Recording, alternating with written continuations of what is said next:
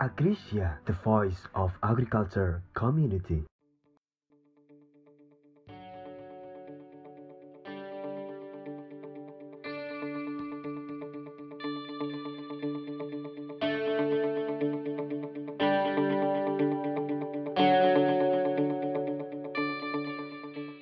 Assalamualaikum warahmatullahi wabarakatuh. Hai, selamat pagi, siang, sore, atau malam kawan-kawan. Apa kabar semuanya? Semoga semua sehat dan tetap begitu sampai kondisi ini berakhir ya. Amin. Oh ya, perkenalkan, nama aku adalah Adipta Dianesya Notari. Mahasiswa Pertanian UGM, jurusan Penyuluhan dan Komunikasi Pertanian, Departemen Sosial Ekonomi Pertanian, Angkatan 2017. Salam kenal semuanya. Aku mau tanya nih, hal pertama apa sih yang kalian pikirkan setelah membaca judul podcast ini? Pasti dia mikir, ini cuma iseng-iseng atau prank doang ya. Tenang aja, ini bukan prank-prank ala youtuber yang biasa kalian lihat.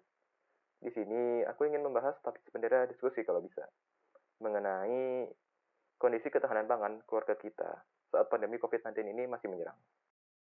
Kalian pernah berpikir atau merasa khawatir tidak sih? Kalau bahan makanan kita dan persediaan makanan kita akan kosong suatu hari nanti. Lah, terus gimana makan kita? Sekarang, mall ditutup. Atau bahkan, warung juga ditutup. Semua serba ditutup. Bahkan di tempatku nih, pemerintah daerah punya wacana untuk menutup pasar. Ya gimana enggak? Soalnya orang-orang bergerumun di sana. Gimana tuh? Sedangkan kalau kita keluar, malah menambah resiko kita menjadi ODP. Lalu bagaimana caranya agar kita bisa di rumah namun tetap produktif?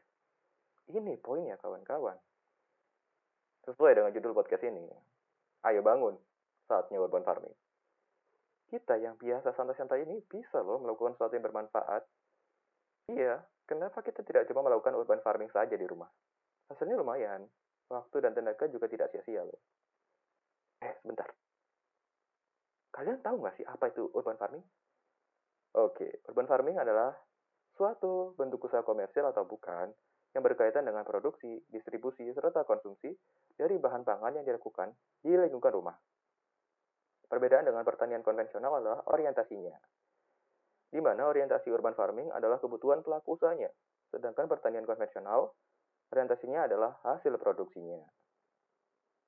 Nah, di tengah kondisi yang tidak pasti ini, melakukan urban farming adalah solusi yang terbaik atau yang baik dalam mengisi waktu luang. Karena kita bisa memanfaatkan ruang-ruang kosong di rumah kita. Inilah beberapa alasan yang membuat kamu harus melakukan urban farming di rumah. Yang pertama, urban farming adalah obat melawan kegabutan. Iya, aku tahu kamu gabut kan sehari-hari. Sama soalnya. Nah, untuk melawan kegabutan itu, rekomendasi banget ini melakukan urban farming. Kenapa?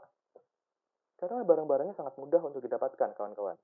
Benih dan media tanam, serta pupuk, bisa kita beli secara online dan rata-rata murah, kan? Eits, tapi tergantung jenis tanamannya juga ya. Jangan kita sama ratakan antara benih cabai rawit buat gorengan dengan cabai habanero. Lanjut. Nah, dengan modal botol bekas saja, kita sudah bisa menanam cabai dan merasakan pedasnya saat sudah dipanen. Nah, percaya atau tidak nih? Cabai yang kita tanam sendiri akan terasa lebih manis saat kita makan. Soalnya, ingat kata pepatah, hasil kerjamu adalah buah yang termanis. Nah, kalau ingin dibuktikan, coba saja dulu. Yang kedua, urban farming adalah solusi bisnis baru. Dengarkan ya, berdasarkan laporan dari Departemen Pertanian Amerika Serikat, fakta bahwa orang-orang perkotaan kesulitan untuk mendapatkan sumber pangan yang sehat dan akses ke supermarket atau toko yang menyediakannya, membuat bisnis rumahan seperti urban farming menjadi tren baru di sana. Nah, para petani modern atau sebutan dari petani urban farming mampu menyediakannya. Hal tersebut disampaikan pada sebuah studi tahun 2014 di Journal of Agricultural Studies. Yang ketiga, kita bisa pakai sendiri kalau kita butuh. Nah, tujuan dari pertanian urban adalah untuk memenuhi kebutuhan kita pribadi, bukan untuk komersil. Hal ini sering disampaikan oleh para pengamat pertanian di Indonesia, bahwa urban farming merupakan salah satu solusi dari pemenuhan kebutuhan pangan pribadi. Bayangkan kawan-kawan, saat kita sedang memasak sayur, tapi kita tiba-tiba kehabisan karena kita lupa beli. Nah, kita tinggal ambil di kebun sebelah. Sangat praktis, bukan? Atau kita sebagai anak kos ya. kita tuh bisa buat urban farming secara simpel di depan kamar atau di tempat kita biasa menjemur baju. Akan sangat bermanfaat apalagi untuk kita anak kos yang kehabisan cemilan atau makanan. Nah, kita tuh bisa nyemil bawang atau cabenya sampai bantuan datang. Yang keempat, urban farming menjaga kesehatan Anda. Sebagai salah satu kegiatan yang menguras keringat Anda, karena butuh tenaga yang cukup dan ketelitian yang baik dalam menggarapnya, urban farming juga menjaga kesehatan bagi orang-orang yang mengonsumsi produknya. Bila dilihat dari sudut pandang kesehatan masyarakat, terdapat angka malnutrisi dan gangguan kesehatan terkait pola makan di kota-kota besar. Dengan menerapkan urban farming dan membawa makan makanan yang bergizi ke komunitas lokal, maka resiko kekurangan bahan pangan dan terjadinya penyakit bisa berkurang, seperti penyakit jantung, obesitas, dan diabetes. Tidak hanya itu, berkebun dan bercocok tanam dengan urban farming dapat meningkatkan ketajaman pikiran, membantu memperoleh vitamin D, meningkatkan daya tahan tubuh, dan meningkatkan kekuatan serta koordinasi tangan. Hmm, banyak sekali kan? Apalagi untuk kalian para penikmat micin. Makanya ayo mulai sekarang perbanyak makanan-makanan sehat yang ditanam secara sendiri tentunya dengan urban farming. Dan yang paling penting adalah kurangi makan makanan micin atau ber-MSG. Yang kelima, dan yang terakhir, urban farming solusi untuk keindahan lingkungan. Dengan adanya ruang hijau di sekitar lingkungan rumah kita, bukannya teman-teman berpikir kalau keindahan rumah kita akan lebih baik untuk dipandang.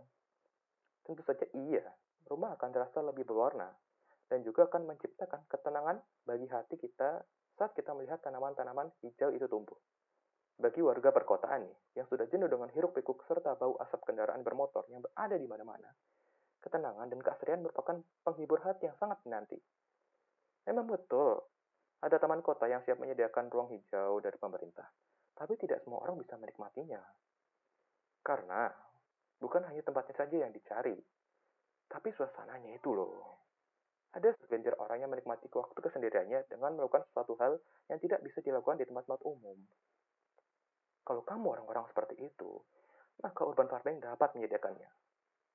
Tanaman hijau siap mendengarkan ceritamu. Kamu bisa berbagi kebahagiaan dengan menyiram mereka. Mereka juga akan menjagamu dari udara kotor yang membuatmu sesak. Itulah keindahan dan kebahagiaan urban farming yang ditawarkan untuk kamu para petani modern. Kawan-kawan, semua akan indah pada saatnya. Begitu juga dengan urban farming. Memang butuh waktu dan usaha sebelum kita bisa merasakan nikmatnya. Tapi bukannya penantian dan perjuangan kita yang membuat semua itu berarti dan menilai. Urban farming merupakan salah satu dari banyak sekali solusi kegiatan yang bermanfaat yang bisa kita lakukan untuk menghabiskan waktu kita di rumah. Tapi yang saya ingin tekankan adalah, sudah saatnya ini loh, kita bawakan kehijauan di saat kemalangan ini masih terjadi. Warna tanaman memang tidak bisa menyembuhkan penyakit. Yang pasti yang aku tahu adalah semua tanaman yang kita tanam dengan hati akan membawa kebahagiaan buat kita. Terima kasih sudah mendengarkan podcast ini kawan-kawan. Sudah saatnya aku pamit. Kita berdoa semoga keadaan akan semakin membaik dari waktu ke waktu. Oh iya, selamat untuk yang menjalankan puasa secara penuh. Kalian hebat. Selamat Hari Raya semuanya.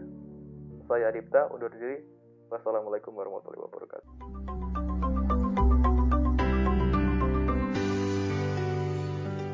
Agricia, the voice of agriculture community.